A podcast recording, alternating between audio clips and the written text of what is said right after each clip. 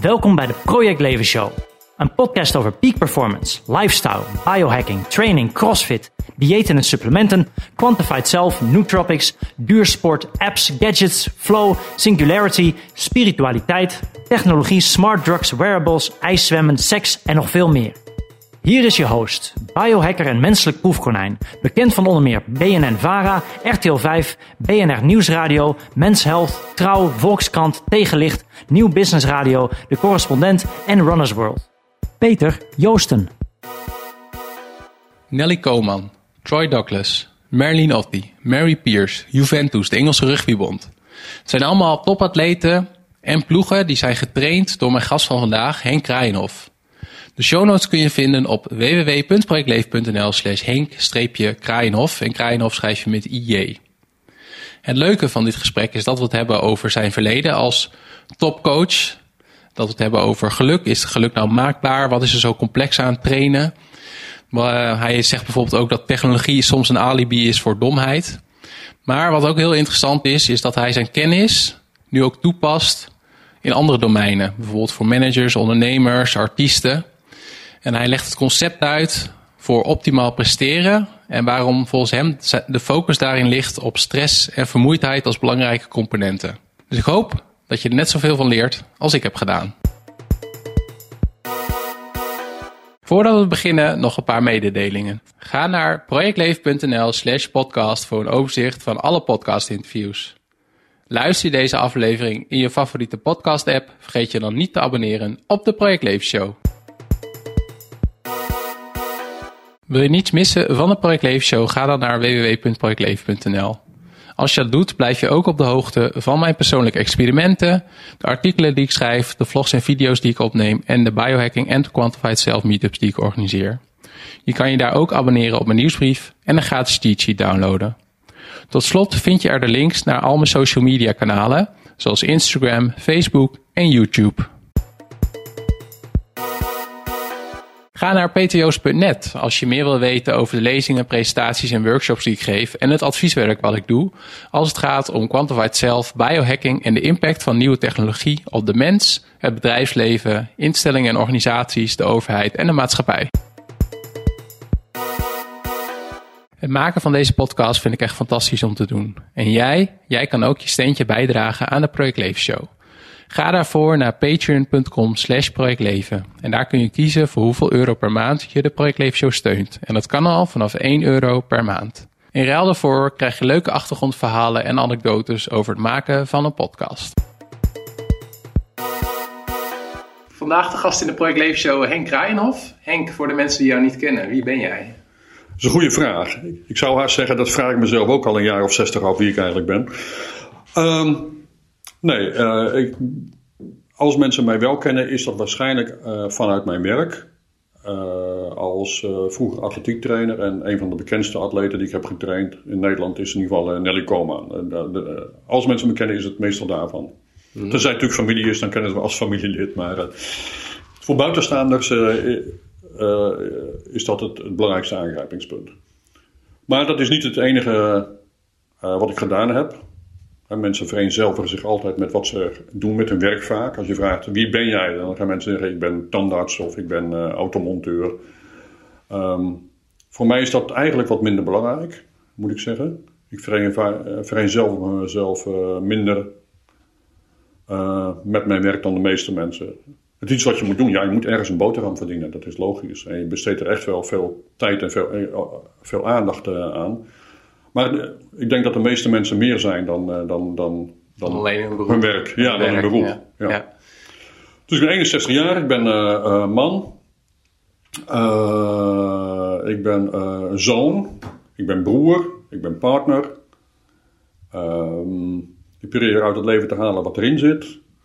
En als voornaamste eigenschap is het wel dat ik nieuwsgierig ben. Dat was ik als kind al en ben ik eigenlijk nog steeds. Dus ik ben gewoon naïef en nieuwsgierig. Dus ik wil graag weten hoe dingen werken, hoe dingen zitten. Ja. Dus waarom de lucht blauw is en niet groen bijvoorbeeld. En ik herinner me nog een vraag aan een van mijn uh, uh, meesters of onderwijzers. Wat, wat voor kleur nu een molecuul had. Dat is een nou. vraag die jij stelde aan de meester. Ja, ja. nou dat is... Uh, het antwoord zit ik nog steeds op te wachten. Maar dat is een vraag die geen van mijn klasgenootjes gesteld had. Ja, ja, nou ik denk dat nieuwsgierigheid op zich wel een goede eigenschap is. Ja, ik denk het wel. Als je nieuwe dingen wil ontdekken en als je vooruit wil, is nieuwsgierigheid is wel, wel handig, ja. Ja. En is er de, mensen kennen jou denk ik vooral, tenminste zo ken ik jou, vanuit uh, training en, en, en, coaching en dat soort dingen. Maar is er iets waar jij ook, uh, ja, één ding waar je gepassioneerd over bent, wel, waar mensen je wellicht niet van kennen? Uh, ja, oh, meerdere dingen. Um, een van de dingen die mijn passie is, zijn bloemen. En met name bloemen die ruiken, de geuren van bloemen. Dat had ik als kind al. Ik heb nog een fotootje van mezelf als uh, vijfjarige in de keukenhof ruikend aan de tulpen. Ik begreep niet waarom al die tulpen nu hetzelfde roken, terwijl ze allemaal verschillende vormen en kleuren hadden. Ja. Dus toen ben ik als uh, kind, mijn ouders moesten me wegsleuren, ben ik al die tulpenveldjes met verschillende tulpen ben ik langs gegaan om ze te ruiken. En eigenlijk heb ik dat vorig jaar met kennissen ben ik weer naar de keukenhof geweest. En eigenlijk had ik nog steeds diezelfde neiging om te ruiken naar hier, aan hyacinten en dergelijke. Ik vind het wel dus planten en bloemen hebben wel mijn, eigenlijk mijn echte passie in natuur. Ja, nou interessant. ja. En um, dus eigenlijk een vraag die ik aan elke gast stel. En uh, nou, bij jouw antwoord heb ik wel hoge verwachtingen, omdat jij daar echt je, je, nou, heel veel energie in hebt gestoken. Wat is voor jou peak performance? Ja, het is lastig om te beantwoorden, want, want piek denk je eigenlijk aan de Mount Everest. Dat is eigenlijk een piek. Kijk, in Zuid-Limburg heb je weinig pieken. En peak performance betekent eigenlijk een eenmalige prestatie waar je eigenlijk uh, nooit weer uh, voorbij komt. Denk aan Usain Bolt of denk aan Bob Beamon in het verspringen.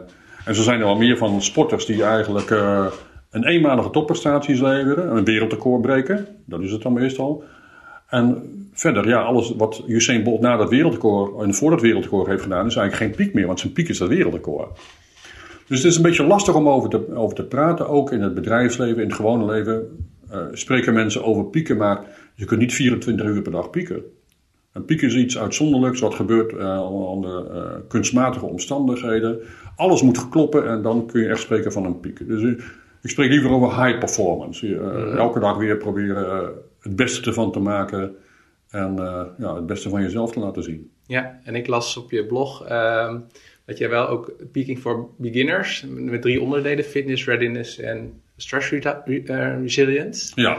Kun je dat nog toelichten? Ja, pieken heeft in de sport een betekenis, namelijk dat je op het juiste moment de juiste prestatie neerzet. Als je bijvoorbeeld dit jaar uh, een wereldkampioenschap had in de atletiek, dat, dat, was ook zo natuurlijk, dan is het belangrijk dat je daar je beste jaarprestatie neerlegt. Dus de piek van het jaar gaat het dan eigenlijk over. Dus niet dat je naar een wereldrecord loopt, dat is niet voor iedereen weggelegd.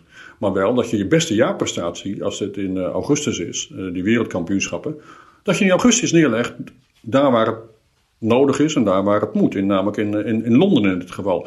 En niet ergens in mei of ergens in september een hele goede prestatie neerzetten. Dat is leuk in je achtertuin, maar dan geldt het niet meer. Dus pieken gaat met name over timing.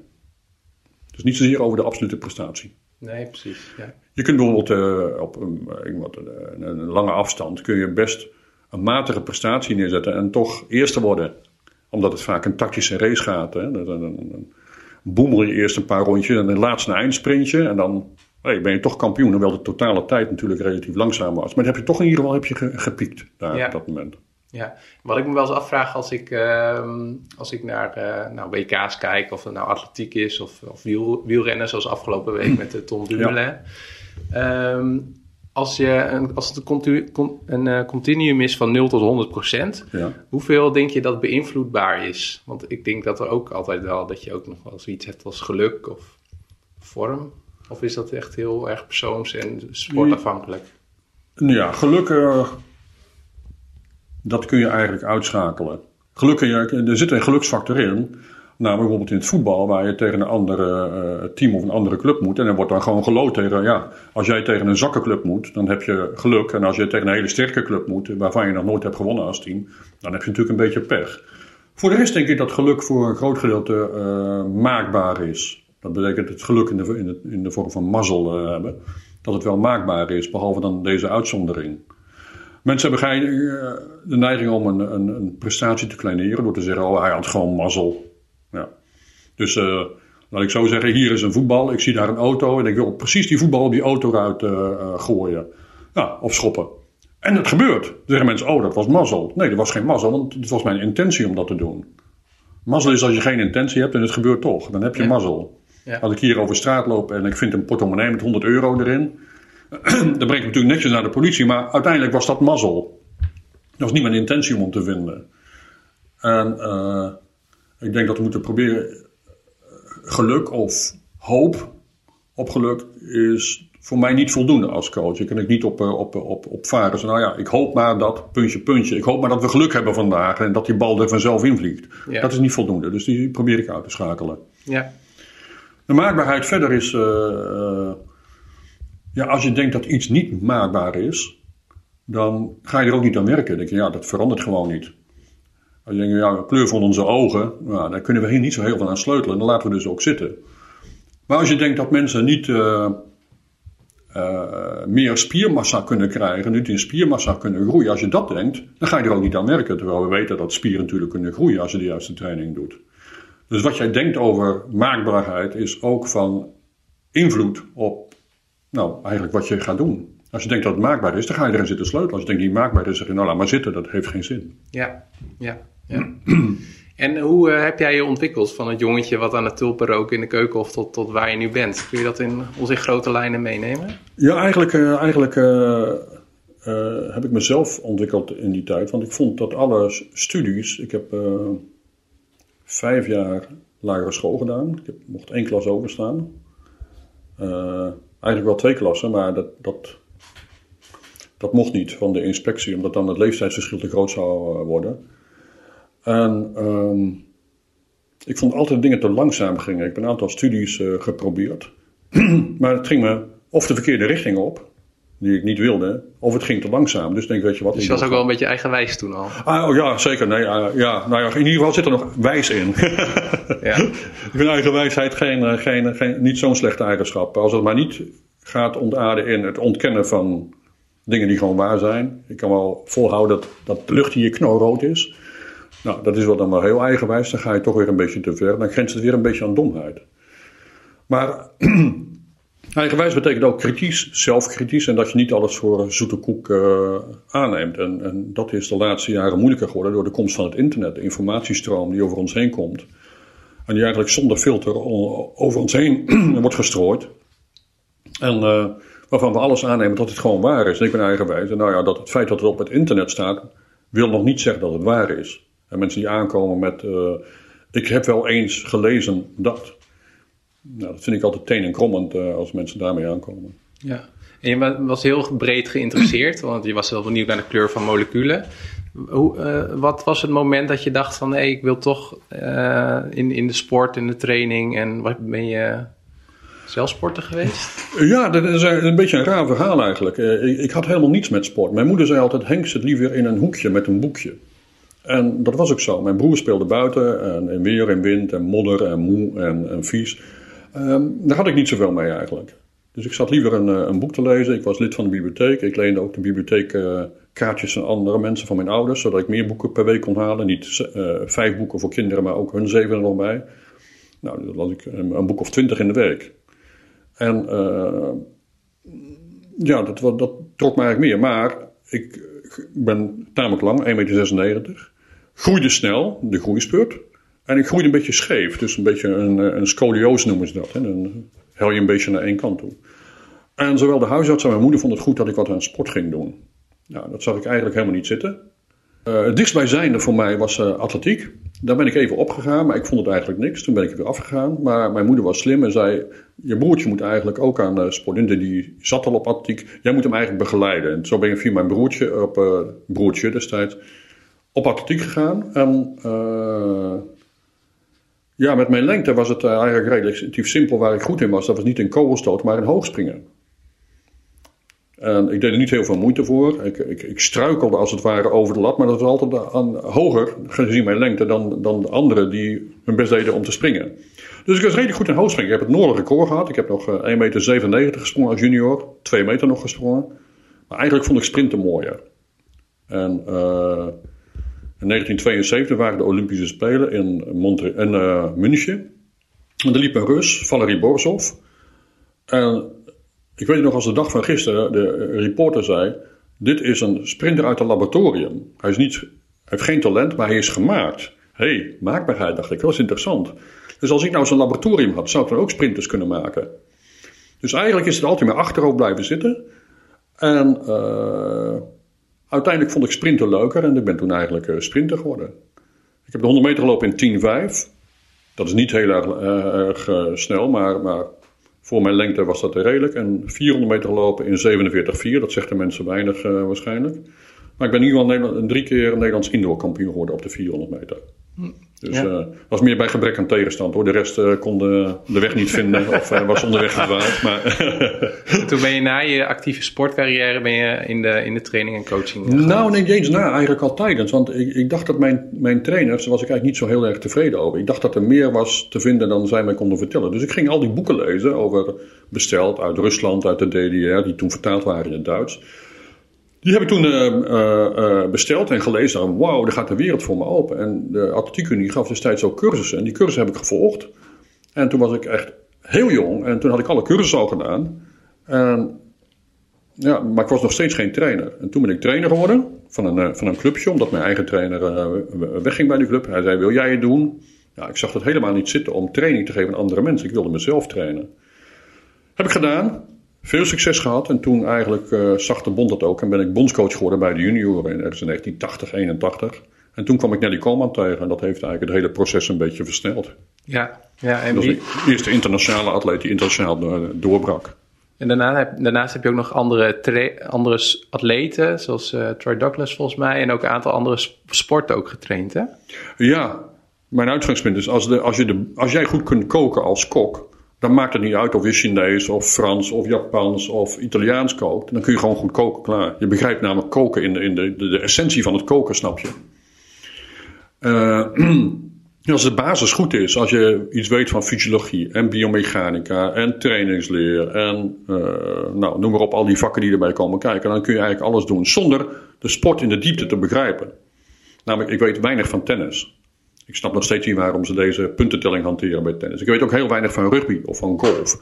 Maar ik heb in al die sporten gewerkt domweg omdat ik de, de essentie van de sport begreep. Omdat ik gewoon uh, de algemene factoren uh, begreep. Gewoon de sportende mens. De mens die wil presteren en de mens die beweegt.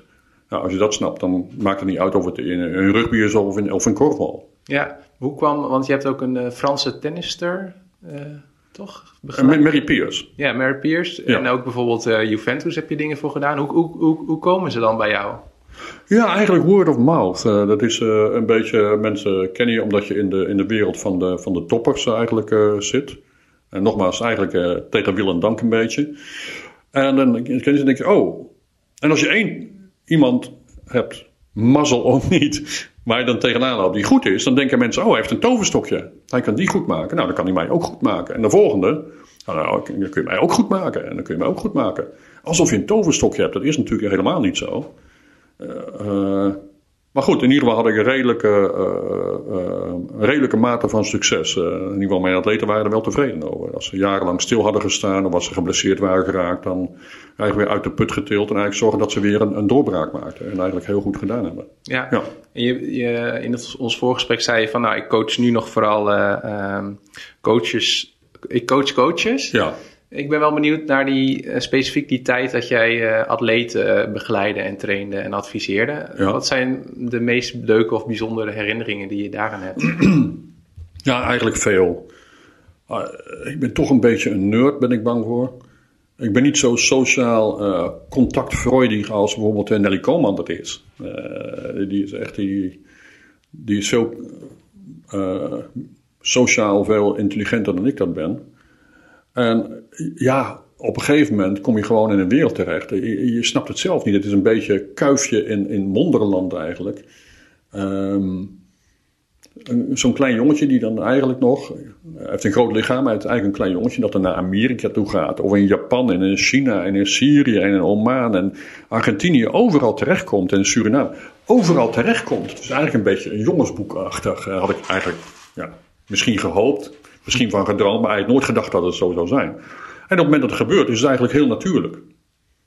Dus op het moment dat iemand. Uh, Nelly liep een wereldrecord in 1986. Ja. En uh, ze komt terug nadat ze gelopen had. Zegt Henk, je kijkt helemaal niet vrolijk. Ben je niet blij? Ja, natuurlijk ben ik blij. Maar het was voor mij geen verrassing. Ik had het al min of meer aanzien komen. Dat het zo, dus de verrassing was er niet voor, voor mij zoals die misschien voor, de, voor het publiek was. Of voor de mensen die voor de televisie zaten. Ik zag het, het was zo, A, zo bedoeld. En B, kon ik dat dan in, in de dagen en de weken ervoor al een beetje aanzien komen. En dan sta je, en eigenlijk was dat vanzelfsprekend. Alleen als ik nou 30 jaar na die tijd terugkijk, dan was het helemaal niet vanzelfsprekend. Dan is het eigenlijk, wow, eigenlijk best wel goed. Ja. Dus voor jou, ja, dat is gewoon een stap die je neemt. Dat is een logisch vervolg van de dingen die je doet. Ja. En achteraf weet je dat een, ja, een wereldrecord lopen of wereldkampioen worden is niet zo vanzelfsprekend. Dat is echt, echt wel redelijk uitzonderlijk. En dat zo'n record nog altijd nog een jaar of 30 staat, dat is eigenlijk echt best wel, wel heel goed. Alleen daar sta je op dat moment even niet bij stil. Dus op het moment dat een atleet het eh, goed doet, zijn daar de, de, de, de, een beetje misschien wel de euforie of de goede herinneringen. En voor mij was het een, een bevestiging van een hypothese. Dat wat ik denk over sport en over training, dat is dan waar. Dat klopt dan. Dus eigenlijk is een, een, een, elke training is eigenlijk een biologisch experiment. Een biologisch en een, ook een beetje een psychologisch experiment waarvan de uitkomst onzeker is. Vergeet niet, we werken ook in hele kleine marges. Uh, als je iemand hebt van die de 100 meter loopt, een hele talentvolle jongen, een voetballer, die op de 100 meter in 11 seconden als hij 17 is. Nou, dat is best wel goed. Tien jaar later, diezelfde jongen, loopt dan de 100 meter in 10 seconden. Nou, dat is ook heel erg goed. Dan is hij, eigenlijk is hij maar 10% vooruit gegaan in 10 jaar. Dus elk jaar ga je 1% vooruit. Dus dat betekent dat je 300 trainingen per jaar doet voor 1% vooruitgang. Nou, dat is, een, dat is echt een hele kleine marge waar je eigenlijk over nadenkt. In ieder geval is dat is, is, is vooruitgang of progressie of een betere prestatie is eigenlijk uh, voor mij een bewijs dat alles wat ik gedacht heb daarover, dat, dat, klopt dan. En dat is weer een reden of om door te gaan. En als het niet zo is, om dingen te gaan veranderen in, in een andere richting te zoeken waarin je dan uh, vooruit kunt gaan. Ja, dus aan de ene kant zeg je van uh, een training is een, een biologisch en fysiologisch experiment. Ja. Maar eigenlijk omdat je elke keer die experimenten doet en kijkt wat het effect is, kun je aan de andere kant dus zeggen dat succes maakbaar is? Of ga ik dan Ja. te kort door de bocht? Ja, eigenlijk wel. Maar het is wel, het is niet moeilijk. Het verschil tussen moeilijk en complex. Het is niet moeilijk, want alle onderdelen van de training die begrijpen we. We begrijpen biomechanica. Dat is echt geen rocket science. Zeg altijd, als het rocket science was, dan hadden we allemaal bij NASA gewerkt. Het is geen rocket science.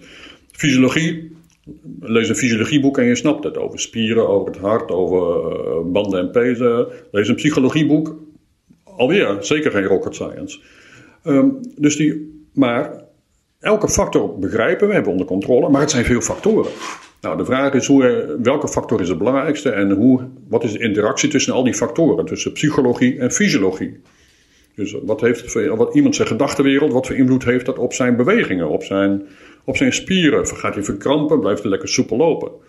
Nou, dat is eigenlijk het onbekende gebied. Ja, En dat is eigenlijk de complexiteit, omdat er veel factoren zijn die allemaal een verschillende weging hebben, dus die allemaal niet even, even belangrijk zijn. En de kunst is om daaruit de prioriteiten te, te vatten. Wat is nu eigenlijk belangrijk? Want als er veel factoren zijn, net een orkest. En je bent eigenlijk de dirigent van een orkest met heel veel instrumenten. En er hoeft er maar eentje een verkeerde noot te raken. En het klinkt dan niet meer zo goed als dat het was. En het publiek hoort dat ook.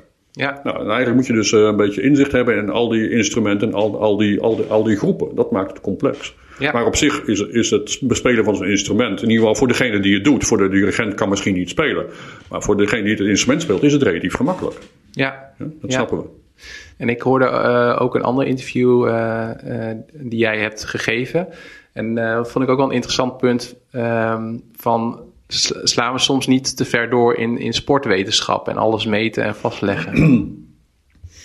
Ja, dat is een beetje, het klinkt dubbelzinnig, want ik ben een enorme voorstander van het gebruik van eh, eh, technologie. Alleen technologie wordt ook een, op een gegeven moment een, een alibi voor domheid.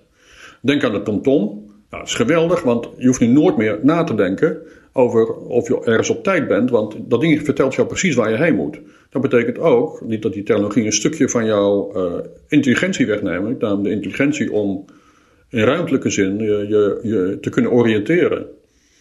En er zijn mensen die met Tom heen rijden. Het ding valt uit of ze zetten hem uit en ze weten niet meer hoe ze moeten terugrijden bijvoorbeeld. Nou, dat betekent dat je een stukje van je intelligentie aan het verliezen bent. Eh, en vaak zien mensen technologie ook als een, als een, als een, als een, ja, als een, als een kruk, als een hulpmiddel, als een shortcut om sneller te worden. Maar je kunt jou en mij een Boeing 747 in handen drukken en wij komen daar niet, niet de lucht in. Dat is het punt een beetje. En vaak geef je een scheermes aan een baby. Uh, zeker vandaag de dag uh, vragen heel veel jonge coaches: is daar ook een appje voor? Niemand gaat harder lopen, niemand gaat hoger springen, niemand gaat beter voetballen van een appje, geloof me. Daar is geen appje voor. Dus eigenlijk moet de basis goed zijn. Als de basis goed is, dan kun je technologie gebruiken en dan weet je het ook juist in te zetten. En veel mensen gebruiken technologie omdat ze dan niet na hoeven te denken. Nou, en ik denk dat je ook heel goed training kan geven zonder enige technologie te gebruiken. Dat hebben we ook moeten doen, omdat we domweg in de 80 en 90 jaren het geld niet hadden en ook de mogelijkheden niet hadden om technologie te gebruiken. Uh, dus het is zeker geen shortcut naar succes. Want technologie, iedereen kan het kopen. Dus ook hè, innovaties. Als jij een klapschaats hebt en die gaat sneller dan een gewone schaats. En iedereen koopt die klapschaats, gaat iedereen domweg uh, uh, weer vooruit. En dan is je, je vooruitgang in technologische innovatie is een tijdelijke. Want als iedereen gaat gebruiken, is dat voordeel weer weg. Ja. ja. Dus dan blijft het verschil wordt uiteindelijk toch altijd gemaakt door, door het, het intelligente individu. En niet door, door technologie, domme technologie. Nee. Uh, van, ja, we hebben vandaag dag uh, artificial intelligence en, en, en natural stupidity.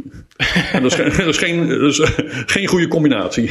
nee, precies. Nee, dat heb ik, de laatste tijd ben ik daar ook wat meer over aan nadenken. Van zorgt juist de toename inderdaad van kunstmatige intelligentie en dat soort ontwikkelingen. Dat wij als mens steeds meer hoeven, zelf hoeven na te denken.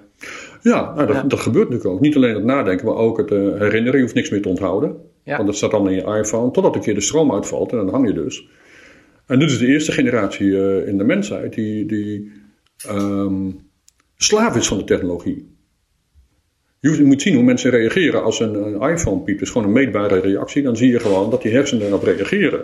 Ja, mijn hersenen reageren echt niet op een, op een vuistbijl of op een zaag of op een stoommachine. Daar reageren mijn hersenen echt niet op. Maar wel als het dingetje piept. Wij zijn slaaf geworden van de technologie. Dat ja. is echt een kantelpunt eigenlijk, een tipping point. Maar dat is, vroeger was technologie een slaaf van ons. Om ons, lichaam, om ons uh, leven aangenamer en beter te maken.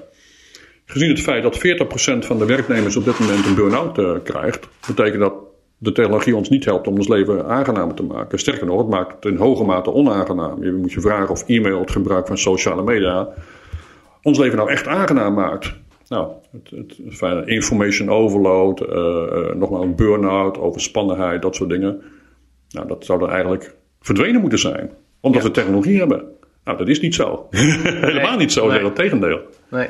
Nee, voor de luisteraars die dat interessant vinden, ik heb ook een podcast opgenomen met Wouter van Noord. En die heeft een boek geschreven over smartphoneverslaving. En ook eigenlijk oh, ja. alle achterliggende principes die de technologiebedrijven gebruiken om onze uh, aandacht eigenlijk uh, elke keer te grijpen. Ja, het gaat om, om, om, om aandacht. Dat, ja. is, dat is eigenlijk de grootste uh, commodity geworden. Een aantal dingen zijn, zijn verworden tot commodities in deze samen. Gezondheid is een commodity geworden waar mensen geld aan verdienen. Of eigenlijk ziekte. Uh, aandacht is een commodity geworden. Dat is ja, helemaal waar. Ja, en jij bent, uh, je hebt een mening, je bent best wel uitgesproken. Wat is de grootste misvatting die er volgens jou over jouzelf heerst? Over mijzelf? Ah, de grootste misvatting is dat ik, uh, dat ik ja, een misvatting zou ik niet willen noemen. Mensen denken altijd dat ik boos ben of zo. Dat is een beetje zo. Ik, ik, ik, kijk altijd heel geconcentreerd in de spiegel. En als ik, als ik zelf in de spiegel kijk, dan zie ik mezelf denk, hey, ik ben een stuk vrolijker aan de binnenkant dan dat ik aan de buitenkant uitzie. Maar dat komt omdat mijn hersenen eigenlijk altijd op volle toeren draaien. Altijd ben ik ergens anders mee bezig. Dus um, dat is een beetje een misvatting. Ik ben niet zo, kwa zo kwaad en zo kwalijk als ik, als ik aan de buitenkant uitzie. Ik ben een stuk vrolijker en vriendelijker in ieder geval. Ja, ja dat is ook wel de indruk die ik nu heb hoor. Ja, dus, dat, is, uh, dat, is, dat is uiterlijk in ieder geval. Ja. Um, grootste misvatting? Um, ja, uh, vorige week kwam je, ja, maar je bent uh, ja, echt een goeroe op dit gebied. Nou, als er iets is waar ik een hekel heb, is het wel een, een, een, een goeroe genoemd te worden. Dat is niet dat jij een soort, ja, leider bent, en een, kracht hebt of over gaven beschikt die andere mensen niet hebben. En dat is helemaal niet zo. Onder de juiste omstandigheden zouden andere mensen precies hetzelfde kunnen doen. Mits ze in ieder geval de interesse hebben die, die ik erin had. Ik was wel redelijk, uh, en nog steeds eigenlijk, obsessief compulsief in het werk wat ik doe. Ja. Dus ik besteed heel veel tijd en moeite om, om, om dingen te weten komen. Andere mensen zeggen wel eens, hoe kan het dat, jij als Nederlandse coach meer succes had dan je collega's eigenlijk uh, in die tijd? Heel simpel. Op het moment dat zij namelijk aan het strand lagen, zat ik in de bibliotheek. het moment dat zij in de disco aan het dansen waren, was ik ergens in een laboratorium. Op het moment dat zij uh, ergens uh, buiten zaten op een terrasje en een biertje dronken, was ik bezig op de atletiekbaan. Dus het is een beetje, ik weet niet wie het zei, maar het is, het is 90% transpiratie maar 10% inspiratie. Gewoon een kwestie van, van hard werken en, en, en doorknallen waar andere mensen opgeven. Ja, ja. Als het gaat om kennis in ieder geval. Ja, dat sluit wel mooi aan in wat je in het begin zei over geluk. Van, ja, dat het ook niet inderdaad veel geluk is, maar ook gewoon ja, het arbeid en weten wat je erin stopt. En uh, ja. ja. voorspellen wat er dan uitkomt. Ja. Het is ook een zekere doelgerichtheid. Weten waar je, weten waar je vandaan komt, weten waar je nu bent en weten waar je heen gaat. Als, als sporter en als trainer is dat eigenlijk uh, zo'n beetje de basis. Veel mensen A, weten niet waar ze vandaan komen. En ze respecteren niet waar ze vandaan komen, de geschiedenis en eigen geschiedenis. B, ze weten niet waar ze nu zijn, helemaal verward geraakt door de moderne samenleving. En ze hebben al helemaal geen idee waar ze, waar ze naartoe gaan, wat ze eigenlijk willen. Dan, ja, dat zie ik over, oh, dat zie ik volgend jaar wel weer. Ja, ook heel goed, alleen dat is niet de manier om een doel te bereiken. Ja, wat ik wel interessant vind is, want je noemde van je hebt in het Midden-Oosten gewerkt en ook in, uh, in Azië. Um, ja, hoe kijken mensen daar ook anders naar, naar sport en training? Of is dat lastig om te zeggen? Is er wel redelijk een uniform beeld van wat goed. Uh... Nee, ik heb er redelijk veel gereisd. Dus, dus spreek je met collega's. Je spreekt met andere sporters, of andere culturen. Heel veel van mijn sporten kwamen ook uit Nigeria of Jamaica, Caribisch gebied, maar ook uit, uh, uit Azië. En uh, ik heb ook lesgegeven in China. Ik ga daar van de zomer weer heen, volgende zomer weer heen, om les te geven aan coaches.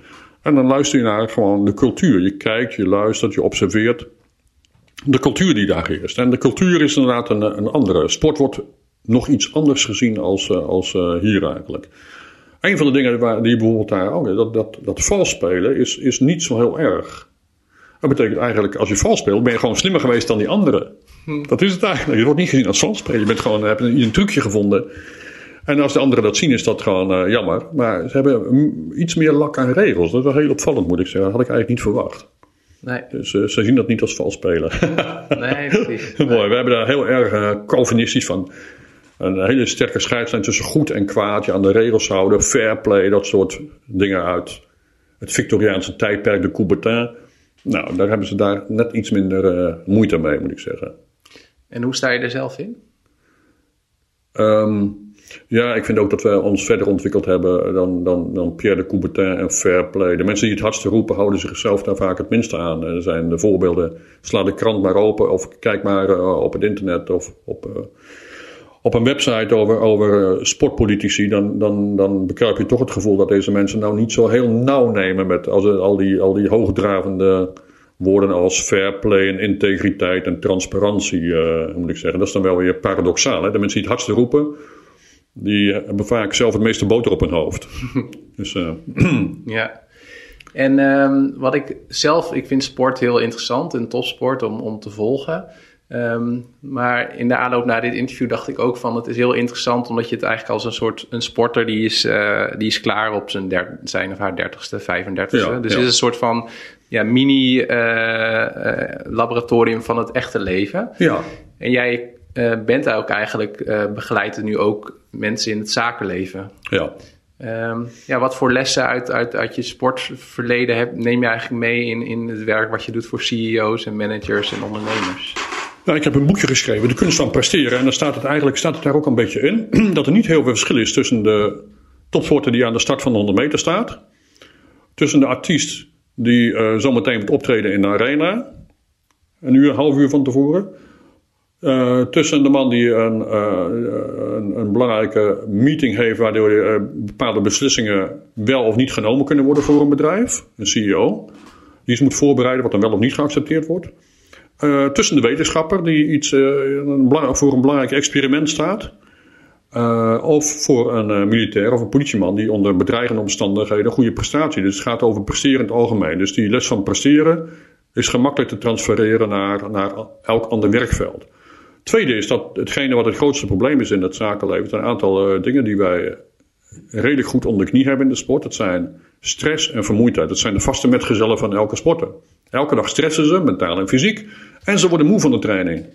En elke keer, elke dag weer herstellen ze. En de volgende dag trekken ze weer uit die mentale en fysieke comfortzone. Oké, okay, En we hopen dat ze de volgende dag weer hersteld zijn. Dus dat zijn de vaste metgezellen.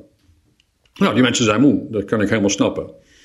Dan heb ik uh, apparatuur uh, aangeschaft in het begin van deze eeuw, zo'n beetje een jaar of 17 geleden, om, de, om stress en vermoeidheid te kunnen meten bij sporters. En wat gebeurde toen? Er kwamen ook gewone mensen. Die zeiden, Henk, ik ben ook moe, kun je dat ook testen? Dingen, waar ben jij nou moe van? Je hebt helemaal niet gelopen. Je zit de hele dag een beetje achter je pc te koekeloeren. je verbrandt geen calorie. Nou, een beetje uh, schetsend gezegd in ieder geval. Maar ook gewone mensen kunnen moe zijn. En dat is wel leuk, dat stress en vermoeidheid eigenlijk de grote fysiekers zijn van uh, ja, de moderne werknemer, maar ook de moderne werkgever die ook eh, last heeft van, van burn-out. Dan krijg bij AXO, de een na de ander eigenlijk eh, ondersteboven is gevallen met een, met een, eh, met een forse burn-out. Nou, dat komt echt niet doordat die mensen zoveel fysieke inspanning hebben geleverd. Dat komt echt van een vermoeidheid, die komt waarschijnlijk van stress en druk. Of de perceptie van stress en druk. Dat hoeft helemaal niet, niet echt druk te zijn. Wij lachen daar natuurlijk om, maar die mensen nemen dat wel waar zijn er serieus.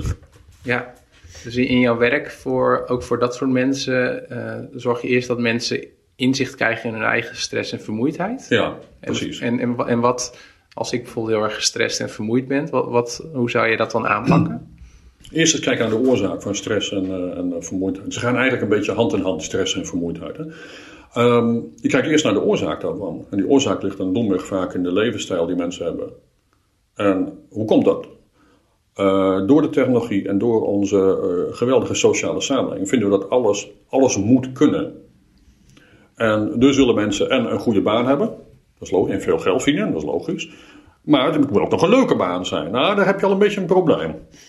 Dan willen ze eigenlijk ook nog uh, gaan verhuizen naar een groter huis, hebben een gezinnetje, willen ze ook nog kinderen. Zullen ook nog vaak op vakantie, willen ook nog een groot sociaal netwerk. Ze moeten ook nog, nog mantelzorg doen voor de ouders. En Enzovoort, enzovoort, enzovoort. En willen ook nog een sport doen, willen er ook nog goed uitzien. Uh, maar mensen willen eigenlijk uh, te veel. De, de, de, de, droom van de onbegrensde mogelijkheden en ook de onbeperkte tijd. Maar een dag heeft maar 24 uur. Ja. En als jij al 70 uur kwijt bent uh, aan je werk, terwijl je maar 40, voor 40 uur betaald wordt, mm, dat op zich natuurlijk niet heel slim, domweg, omdat je 30 uur eigenlijk onbetaald krijgt. Dat is goed voor je werkgever, dat is wat minder goed voor jou. Maar daarnaast komt natuurlijk een aantal dingen komen in de knel. Je sociaal leven komt in de knel. Even rust, pas op de plaats. Even gewoon, zoals de Italianen zeggen, dolce far niente. Gewoon helemaal niets doen, dat komt in de knel. Uh, slaap komt in de knel. We slapen allemaal 1 tot 2 uur minder dan onze grootouders deden. Nou, als slaap in de evolutie niet belangrijk zou zijn, waarom slapen dan in godsnaam 8 uur uh, van de 24 uur? Dus 25 jaar als hij 75 wordt, liever te slapen. Als dat niet belangrijk zou zijn voor de evolutie, voor ons uh, bestaan, dan zouden we al lang teruggegaan zijn naar, uh, naar twee uur of drie uur per nacht. Blijkbaar blijkt dat belangrijk te zijn en daar, daar gaan we dus echt de mist in al. Ja. Om het één ding kijken naar een slaappatroon. Ja, ik herken dat ook wel hoor. Zeker ook door social media. Als ik dan bijvoorbeeld naar mijn Instagram feed kijk, dan zie ik uh, de ene vriend die is aan het reizen. Een andere vriendin die heeft een start-up begonnen. En weer een andere die is aan het feesten. Uh, en dat combineer je dan in je hoofd van ja, dan moet je al die dingen moet je ook allemaal tegelijk kunnen combineren in je eigen leven. En dat zorgt dan ook wel voor, uh, voor stress. Nou ja, het, leven wordt gewoon heel vol en wordt daarmee ook dun. Want van alles doe je eigenlijk niks goed. Dus dat is het probleem. Als je van alles uh, op, je, op je bord legt. En één slice pizza en een halve lumpia en een scoopje uh, aardbeienijs. Ja, dan smaakt dat gewoon niet. Dat is het punt. Dan, dan heb je, het smaakt eigenlijk naar niks. Je hebt je calorieën wel binnen, maar het smaakt naar niks. Dat is het probleem een beetje. Dus het moderne leven heeft mensen die hebben toch een leeg en hol gevoel. Omdat ze eigenlijk niks, uh, um, ja, moet ik zeggen, met enige inhoud doen. Omdat alles oppervlakkig is, versnipperd is, verdund is. Dus hebben ze uiteindelijk diep het gevoel dat ze, dat ze niet zo waard zijn. Omdat ja, sommige mensen focussen zich echt ergens op en, en bereiken naar in de top. En zij versnipperen zich, verdelen hun tijd over heel veel dingen.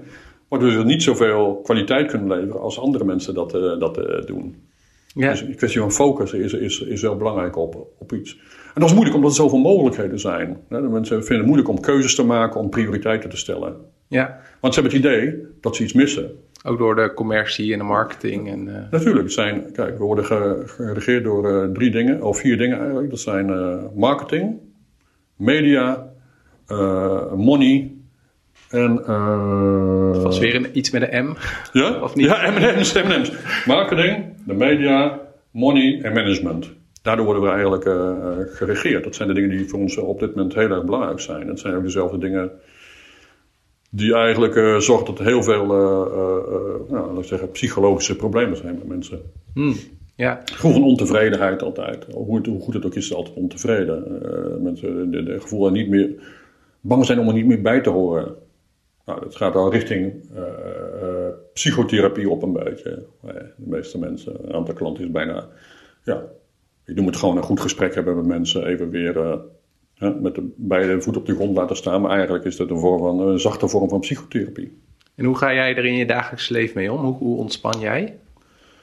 Want in het vorige nou, gesprek vertelde je dat je ja, al die informatie opneemt. Ik ben redelijk lui. Oh, Oké. En ik, uh, ik ben zo geconcentreerd dat ik vaak moet switchen van, van, van, van onderwerp. Uh, en, en dat, dat, dat houdt de, de, de, ene, ene uh, ben ik bezig met sport en de andere ben ik weer bezig met iets te lezen over, over parfums of over bloemen of over geuren. Ah, dat lijkt dan een beetje hetzelfde, maar het is wel zo dat je dan toch weer andere delen van je hersenen gebruikt. Of sporten is er één van, goed slapen is er één van. Goed eten is er één van. En gewoon dingen doen die, die je eigenlijk uh, interessant en boeiend vindt. Maar ook een keuze kunnen maken. Dus dingen die je niet interessant vindt en dingen die je niet boeiend vindt, ook daar nee kunnen zeggen, uh, tegen kunnen zeggen. Sorry, daar heb ik gewoon geen zin aan. Klaar. Ja. En dat doe ik dan ook niet. Nee. En je noemde van, uh, nou, dat je het begin van deze eeuw met de technologie ging werken om stress te meten. Is dat dan hartritme variabiliteit of is het iets anders? ja, nee, dat is een onderdeel van.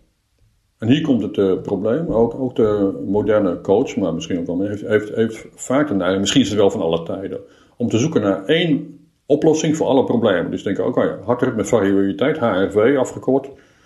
Nou, als ik dat meet, dan weet ik eigenlijk precies of ik gestrest ben, of vermoeid ben, of ik in vorm ben, of ik goed kan presteren. Nou, niets is minder waar dan dat. Zou je het nog kort kunnen uitleggen voor de luisteraars? ja hoor. Hartritmevariabiliteit is eigenlijk uh, een, uh, een goede methode om iets te zeggen over je autonome zenuwstelsel. En je autonome zenuwstelsel bepaalt alle vitale functies. Die bepaalt, zit achter in je nek, net onder de schedel.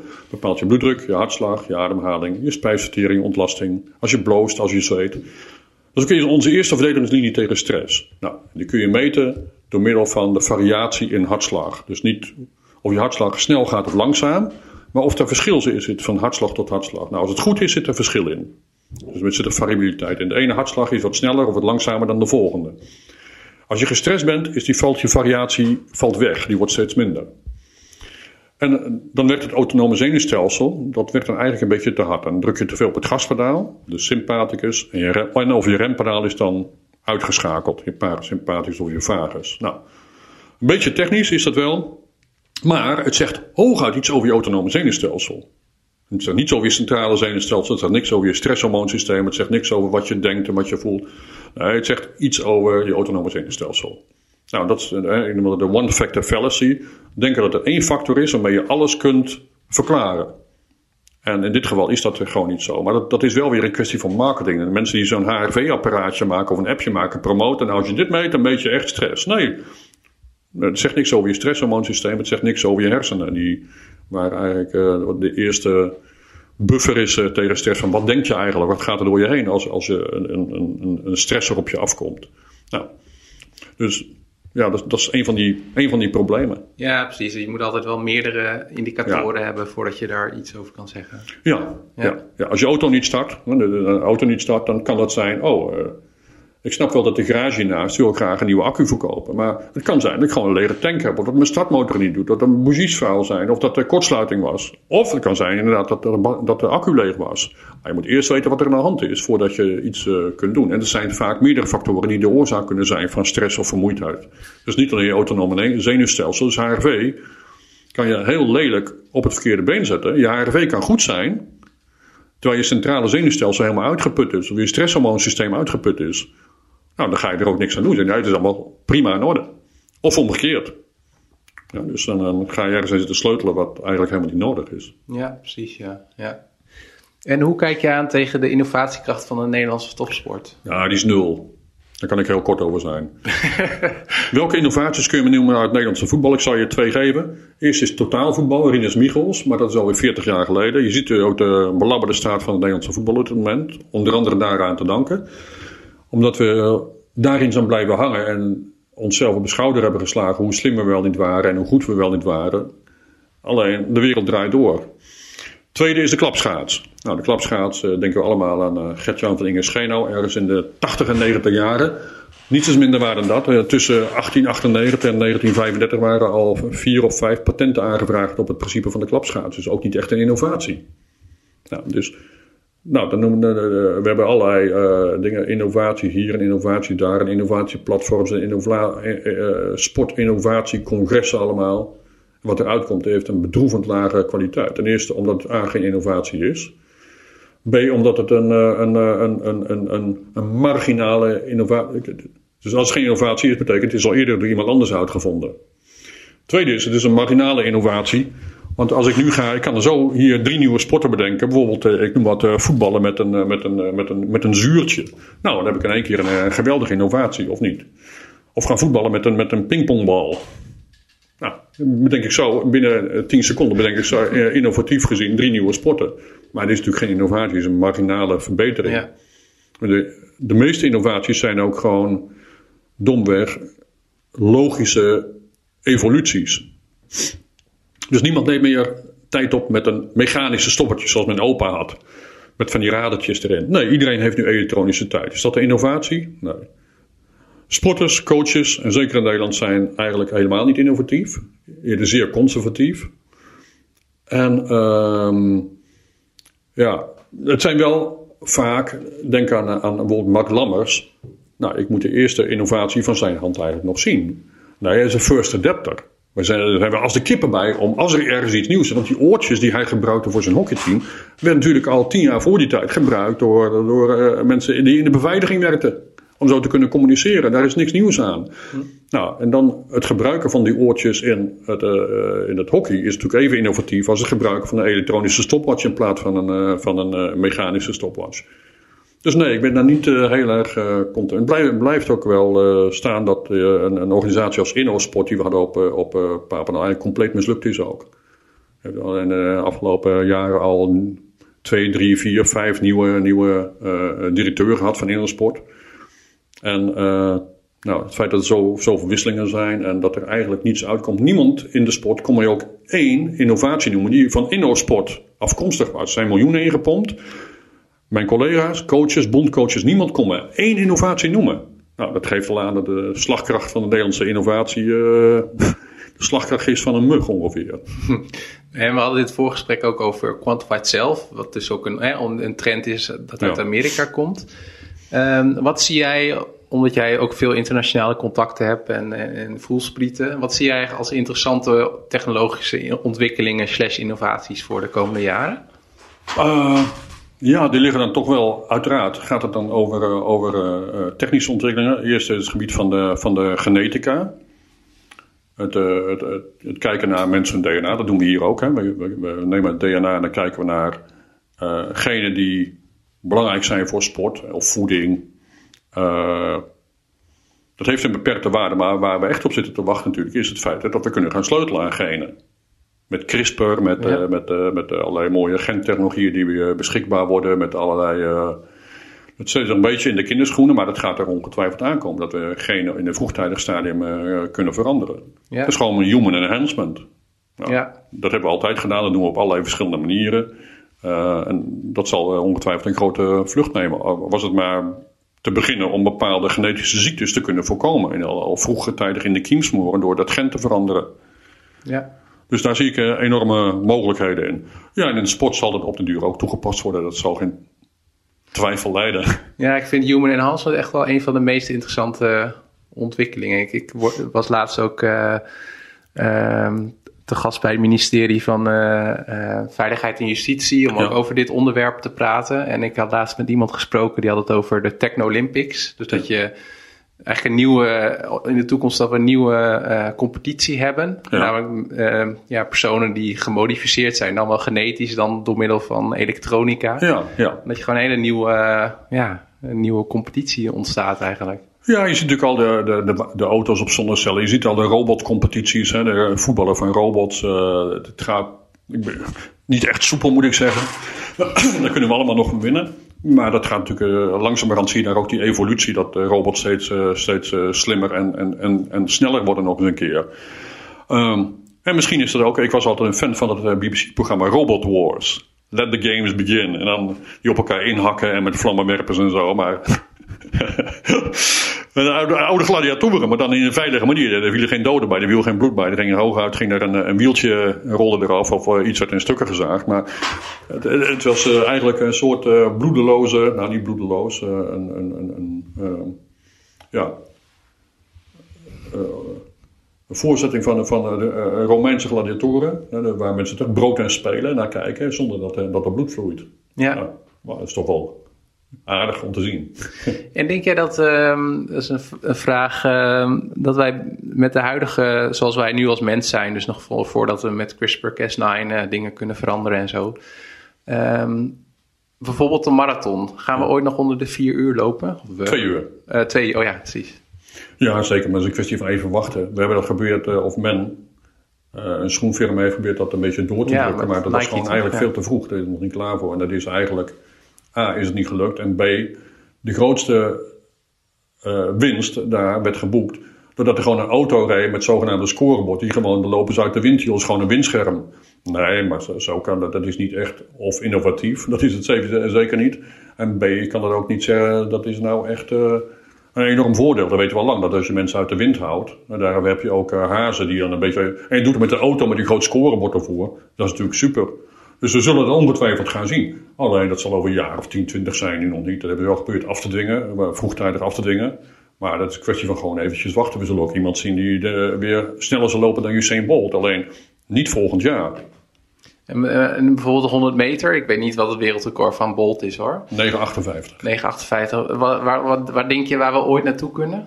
Nou, onder de 9, onder de 8?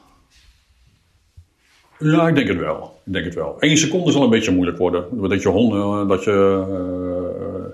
Uh, ja, dat is procentueel best wel veel natuurlijk. Dat, maar, maar, dan denk je wel aan human enhancement. Dan denk je wel aan een soort... Uh, uh, ja, um, androids die gaan lopen. Ja. Dus dan, moet je, dan denk je niet over vijf of tien jaar. Dan denk je over 100 of 500 jaar vooruit. Maar er zullen ingetwijfeld mensen... Nou, Eigenlijk heb je het al. Je hebt mensen die bijvoorbeeld de marathon willen lopen met een pacemaker, hartpatiënten die met een pacemaker uh, hardlopen. Ja. Nou, dan heb je eigenlijk alle mensen die met een kunstknie uh, of kunstledematen gewoon, uh, gewoon een, een, marathon lopen. Ja. Nou, en je ziet mensen, denk aan Oscar Pistorius, die Blade Runner, die eigenlijk met zijn blades sneller liep dan heel, heel veel, laat ik zeggen, complete atleten ja. op de 400 meter. Dus de vraag was ook, heeft hij daar nou voordeel bij of niet? Natuurlijk heeft hij voordeel. Als je geen kuit hebt, kunnen ze ook niet moe worden. Dat is nog wel makkelijk. Ja. Um, gezien zijn tijden had hij daar ook duidelijke voordelen, voor, voordelen uh, bij. Dus dat zul je steeds en steeds meer zien. De, de, de opkomst van de... En eigenlijk is het raar, want het is natuurlijk een, laat ik zeggen, zoals het vroeger noemde, dat mag misschien niet meer, de gehandicapte atleet. Nou, nou mag een, een, een gehandicapte atleet uh, een enhanced athlete. Mag dus wel met de gewone uh, Olympische Spelen meedoen. Maar een gezonde atleet met alles erop en eraan mag dus niet met de Paralympics meedoen. Nou, dat is natuurlijk ook een vorm van discriminatie die je daar, daar, daar ziet. Ja, eigenlijk andersom. Ja. Dus uh, ik ben beperkt eigenlijk. Want mijn benen kunnen wel moe worden, maar ik mag niet meedoen met die andere lui die wiens beentjes niet moe kunnen worden. Nou, dat is eigenlijk een omgekeerde wereld. ja. So far for fair play. ja, precies. Ja. En Henk, er zijn een aantal vragen die ik elke gast uh, stel. Uh, wat is de grootste uitdaging waar je de komende tijd aan moet werken? Waar ik de grote... ja? Uh, de grootste uitdaging is om de vier boeken af te maken waar ik mee bezig ben.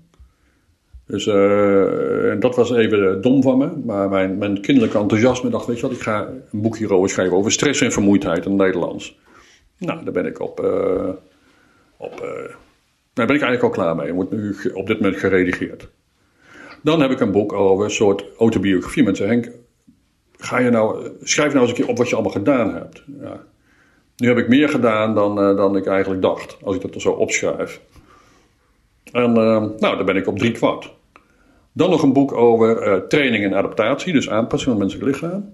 Nou, in het Engels, op vraag van een uitgever van mijn andere boek. En dan heb ik juist vorige week besloten met een, met een mijn mentor en collega nog een keer een boek te schrijven in het Engels. Eh, ja, goed. Nou, dat is een beetje het, het- het tijdgebrek wat ik heb. Er Ja, gebeurt eigenlijk tussen neus en tegelijk, lippen. Ja, vanavond heb ik ergens een, eh, een presentatie weer. Eh, nou, en dan moet ik vanmiddag nog eigenlijk een uurtje zien eh, om eh, naast het beantwoorden van mail en eh, dat soort dingen. Nog eens zien dat ik eigenlijk eh, eh, weer aan een van die boeken ga schrijven. En waar gaat Dus dat- die presentatie over trouwens? Eh, looptechniek. Oké. Looptechniek. Dus voor een groep eh, looptrainers en eh, eerst theorie en daarna praktijk over looptechniek, hoe belangrijk dat is. Ja. Dat is heel specifiek. ja. Dus dat is het, eh, het, het managen van, eh, van, eh, van tijd. Dat is dus een eh, slachtoffer van mijn eigen enthousiasme. dat is een grote uitdaging eigenlijk.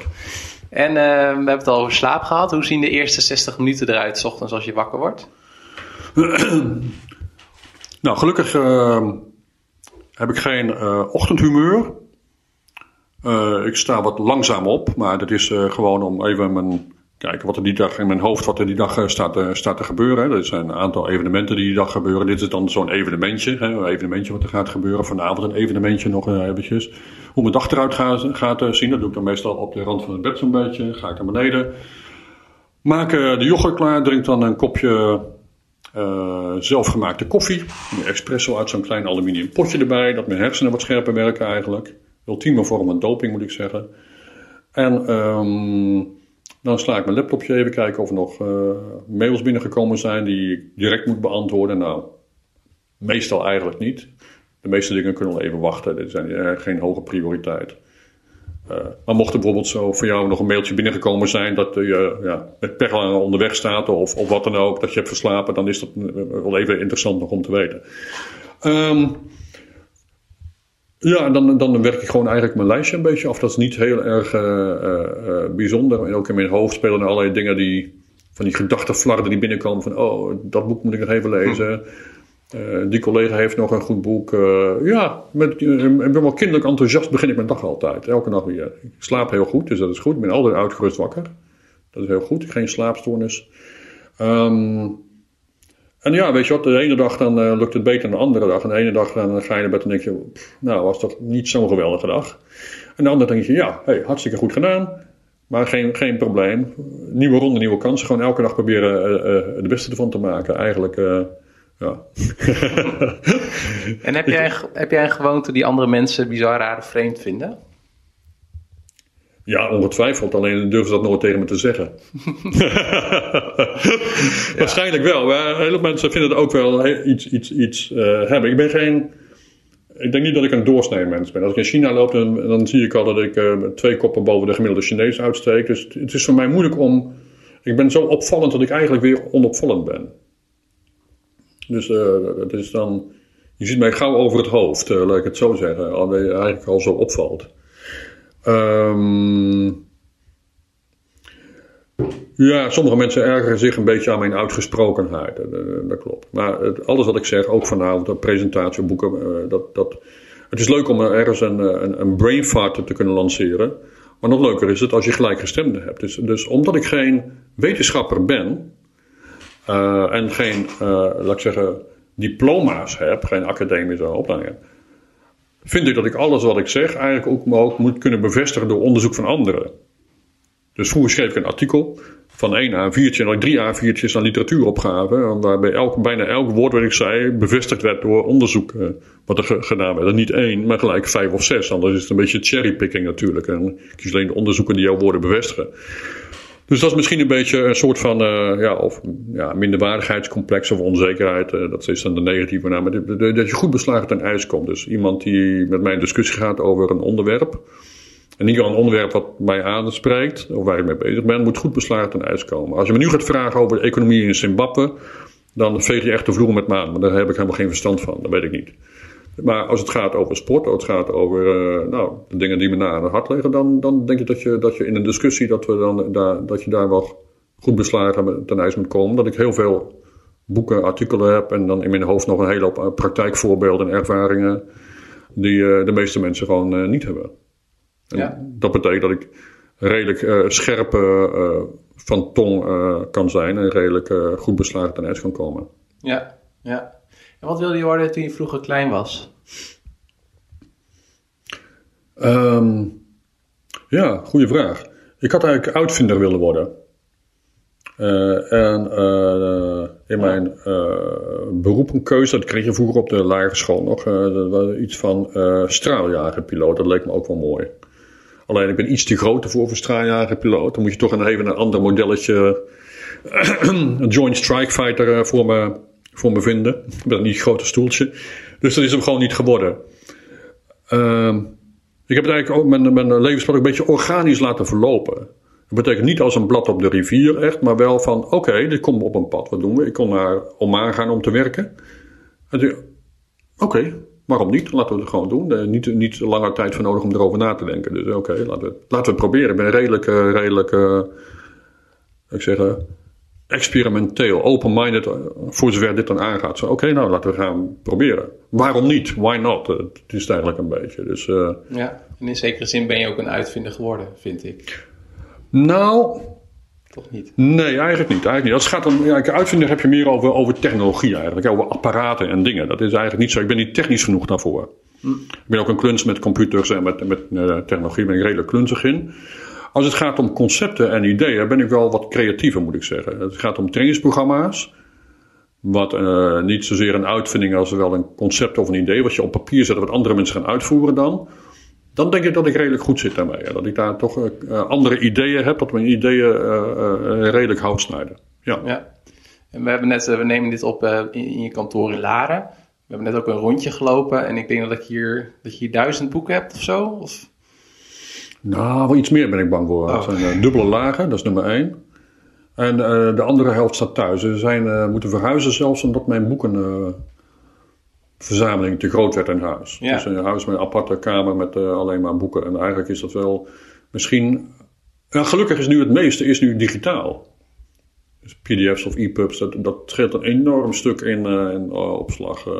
Moet je straks maar even kijken wat ik heb. Maar dat, dat, dat zijn er wel. Ja, maar ik zag ook inderdaad wat me wat wel positief verraste. Dat je ook bijvoorbeeld Homo Deus hebt van Harari. Waar we het net over hadden. Allebei, ja. En, Sapiens. Ja. En stel je voor dat hier straks brand uitbreekt. En je mag er, nou, laat ik voor jouw geval zeggen, drie boeken nog mee. Uh, ik zeg, laat maar zitten. Ik ben nogal een lafaard. Ik ren gewoon heel hard weg zonder mijn boeken. Want weet je wat? Eigenlijk kan ik ze altijd weer kopen. Ja. Dat is nummer één. En nummer twee, het zit in mijn hoofd al. Het scheelt. Ik heb een soort selectief uh, fotografisch geheugen. Ik weet altijd. Er gebeurt wat andere mensen komen en die halen een boek eruit en zetten het ergens anders neer. Nou, dat vind ik helemaal niet erg. Dat vind ik wel weer. Ik, ik herken de meeste kaften. Van de meeste boeken weet ik heel goed uh, waar ze te vinden zijn en wat erin staat. Dus denk ik, nou ja.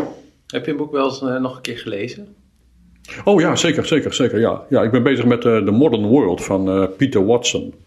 Een ietsje ouder boek.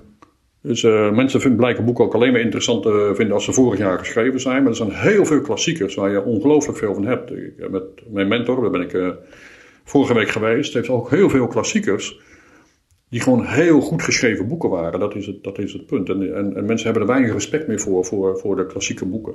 Oké, nou, het boek van Peter Watson zal ik dan ook opnemen bij de show notes. Eh. Ja, ja, ja, ja, ja, ja, ja, ja. Was het interessant? Is het een interessant boek? Nou, het geeft eigenlijk een overzicht van, eh, van eh, de ontwikkeling, hoe onze moderne wereld tot stand is gekomen, in ieder geval de westerse wereld, door te kijken naar heel compact alle uitvinders, ontwikkelingen, maar ook kunst en cultuur en politiek, uh, uh, uh, ja, wetenschap. Alles wordt er eigenlijk heel compact in gezegd. Dus een heel overzicht vanaf, af, laat ik zeggen, de, ja, vanaf het begin van de, van de 20e eeuw tot aan nu, de laatste 100 jaar, alle ontwikkelingen die er zijn geweest op politiek, wetenschappelijk en cultureel gebied. Perfect. Perfect. Okay, ja. ja. dat, is, dat is, vond ik heel knap een beetje Hariri achter, maar nog compacter en nog veel meer informatie en nog veel meer namen en een korte alinea en namen waarvan ik, ja, die heb ik eigenlijk nooit van gehoord. Nou, dan ga ik het verder opzoeken. Dat is het eigenlijk. Hm. Een beetje die, dat sneeuwbaleffect, je kent het wel. Ja, precies. ja. En films en documentaires, heb jij een favoriete film of documentaire? Nou, veel eigenlijk wel. Veel. Uh, de laatste was, uh, ik denk dat hij op Netflix is, Skyladder. Skyladder van een Chinese uh, kunstenaar. En Skyladder is zijn. Ik vond het geweldig. Ik, ik, heb hem in drie keer moeten zien. Ik vond het te ontroerend eigenlijk. Uh, een van de dingen. Um, hij is geboren in de stad in China waar vuurwerk is uitgevonden, waar alle vuurwerkfabrieken zijn. Dus als kind veel met vuurwerk omgaan. En zijn idee is om een ladder te bouwen van vuurwerk tot in de lucht. En dat is een behoorlijke klus. En hij heeft het gedaan. En dat is zijn, eigenlijk zijn project. Om, om, om, om, je staat gewoon en dan gaat er iets de lucht in. En dan zie je langzamerhand zie je een ladder gebouwd worden de lucht in. Skyladder. Ah, geweldig. Zowel als in technische zin als zijn, zijn concept. Wat hij ook doet. Hij strooit dan uh, vuurwerk, dat poeder met kleuren. Dat strooit hij gewoon op de vloer. Dan leg je daar gewoon kartonnen dingen leg je eroverheen. Dan steek ik aan. Maar hij heeft het natuurlijk zo gestrooid dat er een schilderij ontstaat. Ja, en de kleuren. En hij heeft het vuurwerk gemaakt van de Olympische Spelen in Beijing. Waar die grote voetstappen zo. Hm. Toen, dat heeft hij ontworpen. Geweldige film, kan ik echt aanraden. Skyladder. Ja. en een favoriete sportdocumentaire? Heb je die? sportdocumentaire. De meeste zijn gewoon niet goed genoeg, vind ik eigenlijk. Uh, zijn, zijn, uh, pakken toch niet het hele verhaal. De laatste die een beetje uh, bijstaat is natuurlijk Icarus van Brian Doyle, dacht ik. Ja, die staat ook op Netflix. Ja, ook op Netflix. Ja, ja daar heb ik hem ook gezien. Ja, nou ja, dat is dan een documentaire. En het leuke is dat het toeval is, hè, dat hij dan ja. maar verzeild raakt daarin, dat die ontwikkeling, dat het eigenlijk helemaal niet zo begonnen is, maar dat er daar, daar toch een documentaire over, over uh, wordt. Ja, dat is dan wel leuk. Niet heel informatief, maar in ieder geval leuk. En misschien voor de buitenstaander wel aardig om te, om te zien, omdat je toch een idee hebt over, uh, over de arts die hem begeleiden. Mm -hmm. Positief of negatief. Um, sportdocumentaires vind ik eigenlijk nog het minst interessant. Ja. Net zoals autobiografie het minst interessant zijn, omdat die altijd.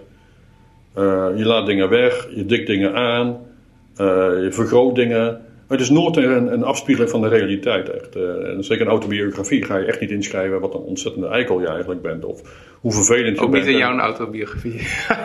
nee, ik probeer dat wel, omdat ik dan namelijk dit vind. Dus ik probeer dat namelijk wel. Ik, ik heb een aantal vragen mezelf gesteld van hoe komt dat je in ieder geval in de sport zo vaak conflicten had. Nou, dan leg ik dat keurig netjes, netjes uit waarom, ik, waarom, waarom er conflicten ontstaan. Hmm. Nou, een van de redenen is uh, dat sport is een conflictmodel. Er is maar één, model, er is maar één, die, één gouden medaille. Ja. En tien mensen strijden erom. Dat is een conflictmodel, geen harmoniemodel. Een harmoniemodel dat betekent dat we allemaal tegelijkertijd over de finish komen. Of even ver springen. Dan zijn we allemaal happy. Dat betekent dat elke keer eentje happy is en zeven mensen gaan unhappy naar huis omdat ze die medaille niet hebben. Nou, ja. Dan kun je twee dingen doen. Of je kunt, uh, als iemand boven jou uittorent qua prestatie, in ieder geval in de sport, dan kun je twee dingen doen. Of proberen met man en macht omhoog te klimmen. Dat is best wel moeilijk. Het is veel gemakkelijker om, om hem naar beneden te trekken. Nou, dat is één ding al. Um, tweede is, uh, ja, conflicten ontstaan vaak uh, op het moment dat je als, als mijn sporters de strijd de 100 meter in 15 seconden liep. En dan was er nooit een conflict geweest. Dus hoe beter je wordt, des te sterker dat conflict is, omdat de belangen groter zijn, omdat de zichtbaarheid groter is. Dan ontstaan er altijd belangenconflicten tussen bijvoorbeeld een bond en een individuele coach, of tussen, nou, noem maar op, uh, wat, wat, wat is het. En dat heb ik wel, had ik ook nooit gedacht en dat heb ik altijd heel, als heel pijnlijk ervaren. Ik heb nooit mee moeite, ik, ik heb nooit gedacht dat ik een betere coach was, omdat mijn sporters toevallig hard liepen dan de sporters van een andere coach. En sommige coaches vonden het altijd nodig om die competitie aan te gaan. Van ja, ik ben een betere coach van mijn atleet heeft harder gelopen dan jouw atleet. Dat heb ik nooit zo gezien. Hm. ik ben helemaal niet competitief wat dat betreft. De, de, de grootste tegenstanders van mijn atleten, uh, die, die atleten in ieder geval, en hun coaches, dat waren mijn, mijn beste collega's eigenlijk, kon alles meedelen, helemaal geen punt. Wij waren helemaal niet, ik ben helemaal niet competitief. Dus ik doe alles met de Oost-Duitse coaches en zij met mij. Terwijl Nelly en, en, en, en de, de, de meisjes elkaar in ieder geval op de baan naar het leven stonden. Aan de andere kant was er ook weer niet zo. Want Nelly heeft ook gewoon de meisjes uitgenomen. Ging een keertje uit eten of weet ik veel. Gewoon voor de lol. En dus die, die strijd is een kunstmatige strijd. Alleen op het moment dat het startschot gaat. Op het moment dat je over de finish komt daarna. Kun je gewoon goede vrienden zijn. Klaar. Ja. En heb jij een favoriete website, blog of uh, podcast? Um, een uh, blog die ik graag lees is Anti-Aging Firewalls. Anti-Aging Firewalls. Ik hou me ook bezig. En zeker op latere leeftijd dan wordt het ietsje, ietsje, uh, je krijgt een ietsje grotere prioriteit als dat je 18 bent. Want dan ben je onkwetsbaar en onsterfelijk. Als je 40 bent, dan weet je zeker dat dat uh, niet zo is. En als je 60 bent, dan ga je dat toch een beetje denken van nou, ik heb nog zoveel leuke dingen te doen. En dus ben je allemaal bezig met het idee van anti-aging. Niet om langer te leven, niet om 300 jaar te worden of zo, maar gewoon om het leven in, met, met in goede kwaliteit te kunnen. De quality of life en, en, en de well-being, dat je goed voelt dat je lichaam nog doet wat het, waar het eigenlijk voor gemaakt is. En niet dat je blind en kreupel en doof eh, door het leven zou gaan. Nou, dat proces valt nog niet te stoppen, maar we kunnen wel uh, een gedeelte daarvan in ieder geval afremmen. Dus daar hou ik me al, al redelijk lang mee bezig, moet ik zeggen. Life extension, de oude hippies uh, die daarmee bezig waren, Pearson en Shaw, de klassieker. En nu zijn er allerlei moderne ontwikkelingen die toelaten we het verouderingsproces enigszins afremmen. Of de dingen die het verouderingsproces versnellen, dat we die niet doen. Ja, ja, en Google, ik vind het ook interessant, wel, net of human enhancement, maar juist ook uh, life extension vind ik ook heel boeiend. En Google is daar ook mee bezig. Hè? En, uh, ja, ja. Nou, weet je, van Google is lastig dat ze, A, het enige wat ze hebben is informatie. Dat is hartstikke belangrijk. Maar B, ik zou zeggen, schoenmaker hou je bij je leest. Het zijn slimme jongens en het nadeel van intelligente mensen die iets als Google uitvinden. En het zijn allemaal slimme mensen, maar slimme mensen overschatten zichzelf vaak. Want iemand die een slimme uitvinder is, denkt ook dat hij een slimme zakenman is. En denkt ook dat hij alles van politiek uh, weet. Dat is het probleem met slimme mensen. Omdat ze denken dat die, dat die slimheid is vaak op één gebied. Of intelligentie op één gebied en andere gebieden weten ze eigenlijk helemaal niet van. Maar dat, het is een soort transfer daarvan. Dat je, nou, ik ben zo slim, dus zaken doen is voor mij ook heel gemakkelijk. Ja, en daar gaan ze vaak de mist in. Uh, en, en, dat vind ik ook een beetje van Google en Apple, die er met allerlei projecten bezig is. Dat, dat laten ze toch zitten, want ze komen er gewoon domweg niet uit. Hm. Er zijn allerlei projecten die Apple gebeurd hebben, die gewoon in de, in de, in de, uh, in de prullenmand verdwenen zijn. Omdat ze domweg niet daar niet de juiste mensen voor hadden. Ze zijn geweldig in het maken van iPhones en, en, en, en mooie laptops en notebooks. En that's it. Laat ze nou geen auto maken of zo. Of, of, of een vliegtuig, Apple vliegtuig gaan bouwen. Omdat ze toevallig goede, goede iPhones kunnen maken. Laat het over aan de experts. Je bent niet helemaal eens, zie ik. nou, ik, uh, volgens mij, maar daarvoor ken ik het ook niet goed genoeg, is, uh, zit Google en Apple er ook wel een beetje mee dat ze volgens mij zoveel geld hebben en dat ze gewoon andere bedrijven overnemen waar wel die experts zitten. ja. En misschien zou je in het geval van Google toch kunnen zeggen van ja, hoe langer, hoe langer mensen leven, hoe juist omdat ze dat bedrijf Calico hebben, hoe, meer, hoe langer mensen ook uh, ja, gebruik maken van de diensten van Google. Dus misschien zit er wel een eigen belang in. Ja, ja nou ja, dat in ieder geval. Ja. Dus het is nooit uit, het is eigenlijk zelden uit nobele bedoeling, maar altijd om daar nog meer geld uit te slepen. Tweede is dat uh, als je een bedrijf overneemt en een bedrijf met een andere cultuur, ook, ook de juiste mensen vaak weglopen uit dat bedrijf, omdat ze domweg niet thuis voelen in die, in die nieuwe cultuur. Dus uh, de brains verdwijnen dan gewoon. Uh, ja, dat is wel Dus waar. dat is dan, dan weer, dan weer een lastige, die gaan ergens anders op beginnen voor zichzelf. Ja, ja. En uh, als, als mensen als klaar zijn met luisteren van dit interview en je zou ze nog één praktisch ding kunnen meegeven, wat zou dat dan zijn? Wow, één praktisch ding. Ik ben niet zo praktisch, moet ik zeggen. Um, Mag ook minder praktisch hoor. Ja, ja dat, dat, dat zal ik proberen. Eh, iets minder praktisch. Daar ben ik wel wat beter in. Uh, ja. Als er één ding is waardoor ik internationaal enige uh, bekendheid heb gekregen, of misschien wel beruchtheid, is dat de uitspraak in de, in de trainingswereld: train zoveel als nodig, niet zoveel als mogelijk. Nou, Gelukkig heeft iemand, we hebben net het uh, boek even gezien van Timothy Ferris, heeft het ook overgenomen van de 4-hour workweek, de 4-hour body, de 4-hour chef. Ja. En ik denk dat het wel belangrijk is om, om dat veel mensen uh, niet efficiënt zijn en, en eigenlijk veel, veel te veel doen. Waarom zou ik daar heel lang over als het ook in kortere tijd kan? Het probleem is dat we dan meer tijd overhouden en dat we die tijd gaan vullen met onzin. Uh, ik heb net een presentatie gegeven en uh, dat gaat over training. Nou, vroeger was je als uh, was je in de gym was je een uurtje bezig. Nu heb je high intensity intermittent training of intervaltraining. Dat betekent dat je nu maar 20 minuten bezig bent in hoog tempo, bam, bam, bam, bam, hou je 40 minuten over. Doe er wat goeds mee. Ga dan die 40 minuten niet besteden om extra op je, om je Facebook bij te werken. Ga dan, nou, ga dan nou eens gewoon lekker in de zon liggen. Maak eens een wandeling. Kijk eens even naar die bomen hier. En naar, de, naar hoe, een groepje koudjes hier eh, de, de buurt onveilig maken. Ga dat nou eens een keer doen. Ja. Gebruik het nou eens nuttig. En dan gaat het nog niet vullen met allerlei onzin. Dat is het uh, punt. Dus, dus um, geef zo energie, uh, veel energie uit. En dan gaat met name om mentale energie als, als nodig. Niet zoveel mogelijk. Hmm. Dat is eh, denk ik wel een, eh, een, eh, een goede tip voor veel uh, jonge mensen in ieder geval. Ja, goede tip en ook wel in lijn met de dingen die je eerder in het gesprek had uh, gezegd. Ja. ja, want laten we eerlijk zijn, onze iPhone of onze internet. Vroeger, ik wou iemand een brief sturen. Dan moest ik eerst uh, okay, een brief schrijven met een pennetje. Dan moest ik een envelopje hebben. Dan moest ik naar de postkantoor om een postzegeltje te kopen. Dan moest ik naar de briefbus toe lopen. En dan een aantal dagen later, als je mazzel had, had iemand die brief. En die kreeg weer een brief terug. Nou, dan hebben we nu internet e-mail. Maar hoeveel tijd hebben we nu gekregen? Want het is efficiënt. Hè? Dus even kijken. Druk, weg, efficiënt van hier tot Amersfoort. Maar hebben we meer tijd gekregen? Nee, we hebben veel minder tijd gekregen. En dat is eigenlijk de paradox die zit aan, aan, aan, aan wat ik zeg, die acceleritis, dat alles steeds sneller en sneller gaat.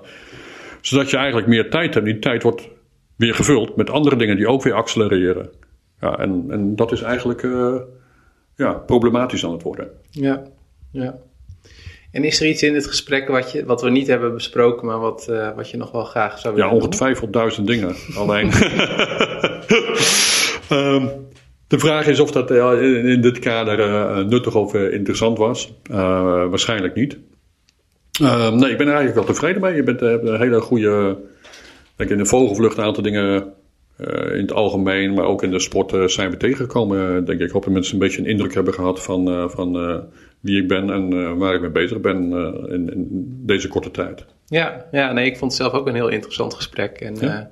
van tevoren zei ik ook tegen jou van het viel me op dat je ook heel veel. Ik heb ook het idee dat jij internationaal een andere status hebt dan nationaal. Omdat ik jou ook heel veel tegenkwam in internationale podcast.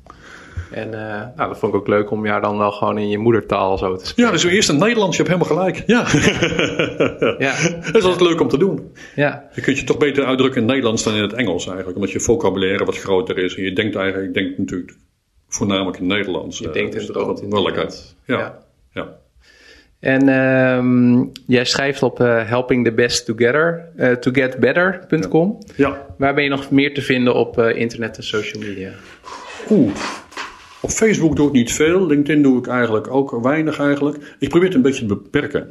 Dat is, dat is het punt. Uh, want anders, die, die, die boeken moeten af. En dat vind ik eigenlijk belangrijker dan mijn Facebook bij te werken en te reageren op iemand die jarig is. En, en op Facebook heb ik uh, zoveel vrienden die ik nooit heb gezien en die ik misschien achteraf ook liever, liever nooit zou tegenkomen. Dus het heeft geen hoge prioriteit om op social media bezig te zijn. Ik geloof ook dat, dat we, en dat zijn de uh, Dunbar numbers van uh, Robin Dunbar. Uh, zegt van over relaties en connecties en vriendschappen. Je hebt in je leven misschien maar vijf goede vrienden. Dan heb je nog. je kunt maar zoveel contacten onderhouden immers. Dat kost energie om contacten te onderhouden. En dat is apen die elkaar vlooien. Dat, dat kan maar met zoveel, want het kost gewoon tijd om contacten te onderhouden. heel veel mensen hebben geen echte goede vrienden. En dan zeggen ze, ja, dat hoeft ook niet, want ik heb duizend vrienden op Facebook. De vraag is of als jij in nood zit of iets nodig hebt, of, die, of je die vrienden kunt aanspreken daarop. Ik, denk, ik ben bang dat het niet zo is. Dus vandaar dat ik niet zo heel veel doe op, op sociale media. Dat ik liever tijd besteed met, uh, met, uh, met uh, goede vrienden hier. Dat is intensiever. en daar heb je maar een handvol voor nodig. En misschien heb ik ook maar een handvol dat ze ook kunnen. Maar dat is niet erg. Dat zijn in ieder geval goede vrienden. En als mensen laatst vraag jou willen inschakelen, want we nemen dit ook op in het kantoor van Vortex, zeg ik het zo goed? Ja. Uh, dan kunnen ze op vortex.com of .nl meer informatie vinden. Ja, vortex.nl. En dat is uh, eigenlijk bij een bedrijfje zoals we hier zitten. En dat is een bedrijf, een bedrijf waar eigenlijk mensen testen op stress en vermoeidheid. Die brengen we in kaart. En als je dat in kaart hebt gebracht, hè, die, die diagnose hebt gesteld. Denk aan het voorbeeld van die auto. Is het nu de accu of is het nu de benzinetank of is het nu de startmotor? Dan kun je veel gerichte interventies daarop loslaten. Als dat je zegt, oh ik ben gestrest of vermoeid of burn-out. Nou, ga jij maar lekker hardlopen. Of neem maar een, een, een, een antidepressivum. Of, het is eigenlijk een beetje gooien met modder tegen de muur en hopen dat er iets blijft plakken eigenlijk. Het is gewoon met hagel schieten en hoop dat je iets treft. Dat is niet, voor mij is dat niet voldoende. Ook als trainer was dat niet voldoende. Ja, doe maar wat. Misschien dat het helpt. Nou, dat, dat is voor mij absoluut niet voldoende. Dat is eigenlijk tegen mijn principes in. Ja, ja. En dus wij behandelen, uh, of behandelen zou ik niet zeggen, wij uh, testen en meten bedrijven. We doen projecten, bij bijvoorbeeld uh, politie of het militaire bedrijf wel. en individuen. De meeste individuen komen die nou, laren,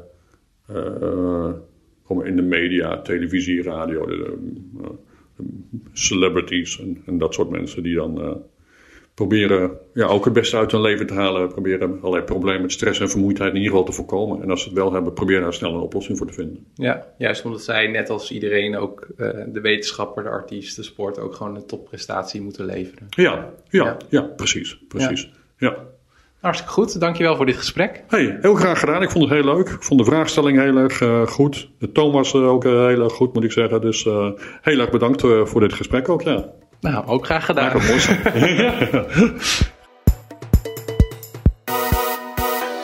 Bedankt voor het luisteren naar de Project Leven Show.